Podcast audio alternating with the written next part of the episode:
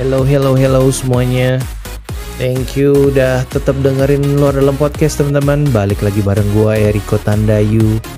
Kali ini kita rehat dulu ya dari sesi interview dan gua akan sendiri dulu bahas tentang Kali ini menarik teman-teman. Kita akan bahas tentang single forever gitu kan. Single selamanya. Serius lu kok? Gitu. Iya, gue serius teman-teman. Tapi ini bukan single forever yang seperti kalian kira tapi ya. Jadi kalau teman-teman yang mungkin generasinya gua ya, milenial gitu, mungkin dulu pernah denger khotbah dari Pastor Jeffrey Rahmat yang judulnya Single Forever. Itu dari seri series khotbahnya Prescription for Dating and Relationship. Itu pertama kali denger tuh tahun 2006-an kalau nggak salah itu ya. Jadi itu salah satu khotbah klasik legendaris tentang bahwa setiap kita harus single dulu atau bicara tentang keutuhan atau bicara kalau psikologinya itu security teman-teman. Pasti teman-teman pernah ngalamin kan yang namanya apa namanya uh, kapan ya gue bakal punya cowok, kapan gue bakal punya cewek gitu kan, uh, punya pacar gitu ya. Kalau cowok pacarnya cewek, kalau cewek pacarnya cowok gitu teman-teman ya. Bukan cowok sama cowok, bukan cewek sama cewek. Itu mau gue tegaskan dulu di awal soal jenis kelamin yang berbeda itu sangat penting dalam sebuah hubungan, teman-teman. Karena itu adalah yang Tuhan sudah desain dari awal. Jadi kita jangan uh, against desain itu. Itu untuk uh, openingnya dulu.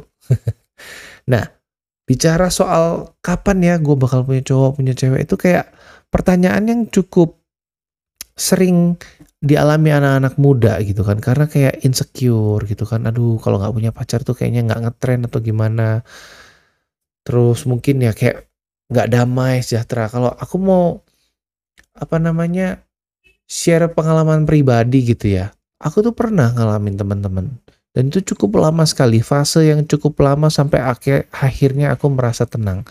Dan kalau mau kasih spoiler dikit setelah punya pacar pun setelah punya pasangan uh, sebelum sebelum nikah tentunya waktu itu ya aku masih berasa eh, nggak uh, utuh gitu tau nggak nggak komplit. Walaupun setelah punya pasangan masih masih berasa insecure gitu. Jadi sebenarnya aku jadi waktu itu mikir sebenarnya masalahnya itu punya pacar atau punya pasangan itu menyelesaikan masalah gua yang insecure atau memang masalahnya ada di gua yang insecurity-nya harus diberesin gitu kan. Jadi faktornya lebih internal daripada eksternal gitu. Jadi aku dulu mulai merasakan hal yang kayak gini nih ketika ya pacaran itu menjadi sebuah oh bukan pacaran ya, maksudnya muncul ketertarikan itu kan wajar ya, muncul ketertarikan kepada lawan jenis, lawan jenis teman-teman. Jadi ketertarikan pada lawan jenis itu muncul kan waktu aku puber pertama kali ya SMP mungkin. SMP atau SD juga ada beberapa yang SD udah sih gitu. Jadi itu normal cuman ketika aku merasa bahwa aku harus punya pacar nah itu itu menjadi sebuah kayak tekanan hidup tersendiri gitu kalau bahasanya sekarang tuh kegalauan gitu kan bikin kalau bahasa Kristennya nggak ada message sejahtera gitu jadi kayak aduh kayak hati ini kosong gitu tau gak walaupun ada Tuhan gitu kan. Nah, ini kan itu kan paradoks gitu teman-teman ya. Nah, tapi anyway itu adalah perasaan yang valid menurutku karena aku pikir ketika aku setelah punya pacar itu aku bakal uh, apa ya konten gitu. Konten uh, utuh penuh puas. Dan nggak perlu lagi. Tapi setelah aku pacaran pertama kali SMA aku pacaran pertama kali. Walaupun hanya berlangsung enam bulan karena berakhir di eh, karena aku diselingkuhi. Itu sakit hatinya luar biasa. Anyway aku nggak bahas soal sakit hatinya. Itu udah pulih juga teman-teman ya terus itu aku pikir setelah punya pacar tuh bakal nggak uh, bakal nggak galau lagi tapi ternyata masih galau teman-teman. Jadi ternyata aku berkesimpulan bahwa punya pacar dan pacarku tuh nggak cuma satu ya, aku cuma pacaran ber, beberapa kali, lumayan banyak. Tetap aja nggak nggak merasa utuh teman-teman. Uh, dan apa namanya keutuhanku ternyata tidak ditentukan oleh pacar yang aku miliki, gitu kan? Bahkan membuat aku merasa semakin desperate gitu. Aduh, pacaran ini gimana ya caranya? Maksudnya mesti ngapain aja, ngobrol apa? Jadi semakin semakin galau, semakin uh, kayak internal anxiety. Dulu kan kita nggak tahu istilah-istilah kayak gitu ya waktu pas zaman gue SMP tahun SMA SMA ya 96 97 99 kita kan kagak tahu ya. Gitu. Bahkan setelah punya pacar pun makin makin insecure karena makin pengen diperhatiin terus punya ekspektasi-ekspektasi yang gak realistis kayak harus uh, kayak yang dia harus perhatiin gua jadi jadi kayak ada area-area lain dalam diri gua respon yang gua nggak gua baru sadar setelah gua punya pacar gitu bahwa aku kok bucin banget ya bahasa anak sekarang gitu kan. Bucin banget gitu. Jadi kalau nggak ditelepon tuh kayak atau nggak ditanyain kabarnya bisa kayak yang moody banget. Pokoknya lucu banget nih kalau inget inget dulu zaman SMA gitu. Tapi kan itu karena aku nggak insecure. Eh karena aku insecure teman-teman. Salah ngomong ya. Jadi kalau bicara soal insecure itu kan basically itu adalah kebutuhan manusia yang paling dalam gitu kan teman-teman. Dan apa namanya insecure itu lahir karena kita sejak kecil biasanya. Dari sejak kecil atau sorry aku ulangi lagi deh. Security seorang seseorang itu didapat pertama kali itu di dalam keluarga rasa aman jadi kalau kita tidak punya rasa aman berarti kita punya rasa tidak aman insecurity gitu kan. Dan itu terjadi ketika kita tidak mendapatkannya dalam keluarga. Rasa aman yang pertama itu adalah kehadiran orang tua. Diterima di dalam keluarga.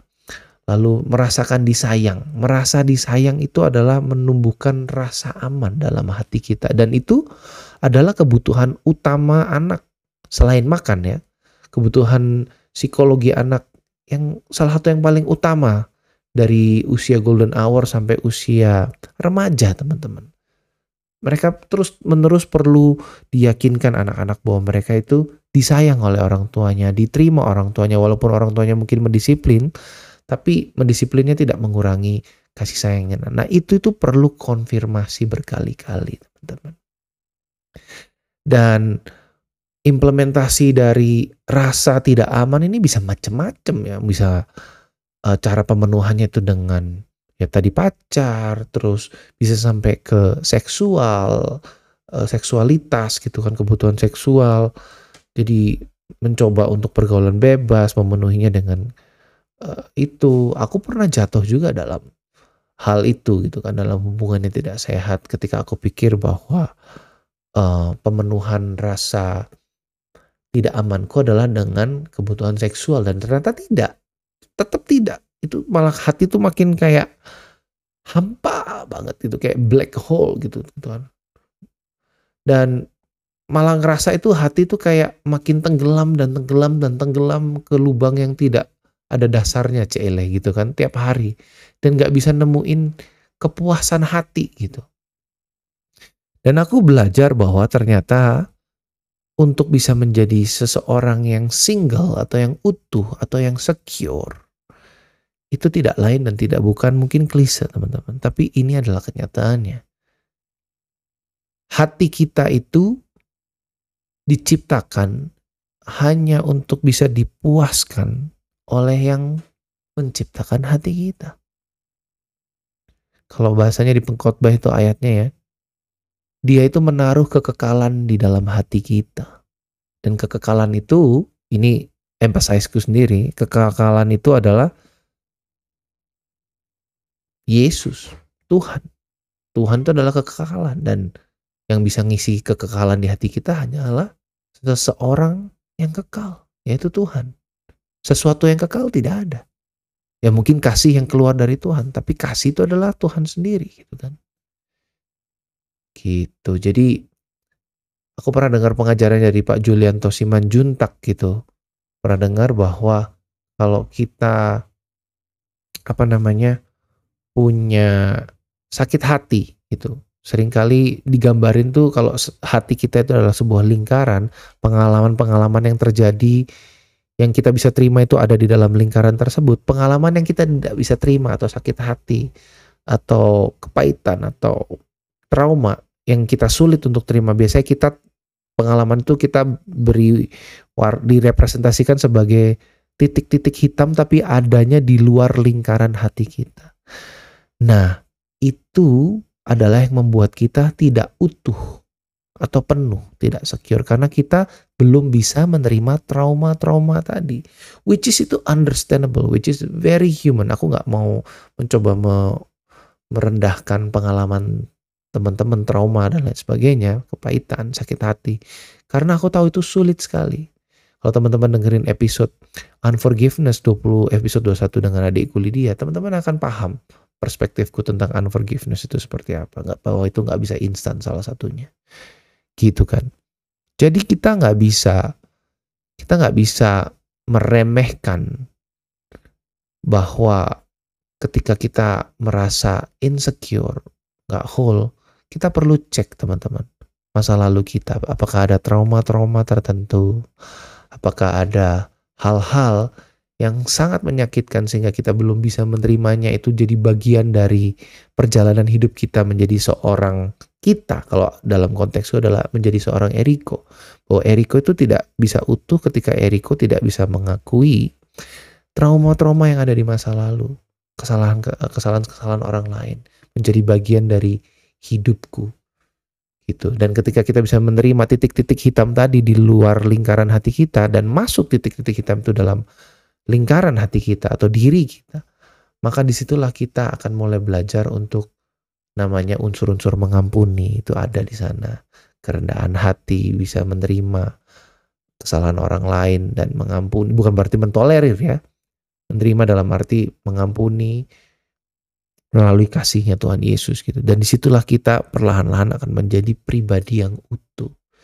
Ini ilmunya memang nggak ada di sekolah teman-teman ini ilmu kehidupan tapi ya sekarang dengan adanya perkembangan ilmu pengetahuan yang makin banyak psikologi bersyukur aku waktu belajar sempat dapat sesi waktu kerja di Compassion International dari Pak Julianto Simanjuntak itu bisa memperlengkapi aku dan akhirnya bisa membawa aku pada perjalanan pribadi yang utuh jadi single dan pada akhirnya semua keutuhan tadi tidak bisa kalau kita tidak uh, apa ya membangunnya di atas dasar kasih dan anugerah Tuhan Yesus. Iya, nggak bisa teman-teman. Kasih dan anugerah Tuhan Yesus itu satu-satunya. Itu fondasinya dulu, baru kita masukin titik-titik hitam tadi. Dan sampai aku nemuin Tuhan Yesus dan bawa semua dosaku, mengekspos semua kegelapan hatiku ke dalam terang anugerah dan kasihnya. Di situlah ketika apa ya kesalahanku ke kebusukan hatiku semuanya bertemu dengan anugerahnya dia yang menyelamatkan gloriously gitu teman-teman. Gloriously gitu kan. Jadi ya itu yang mungkin aku bisa share secara singkat teman-teman. Being single forever.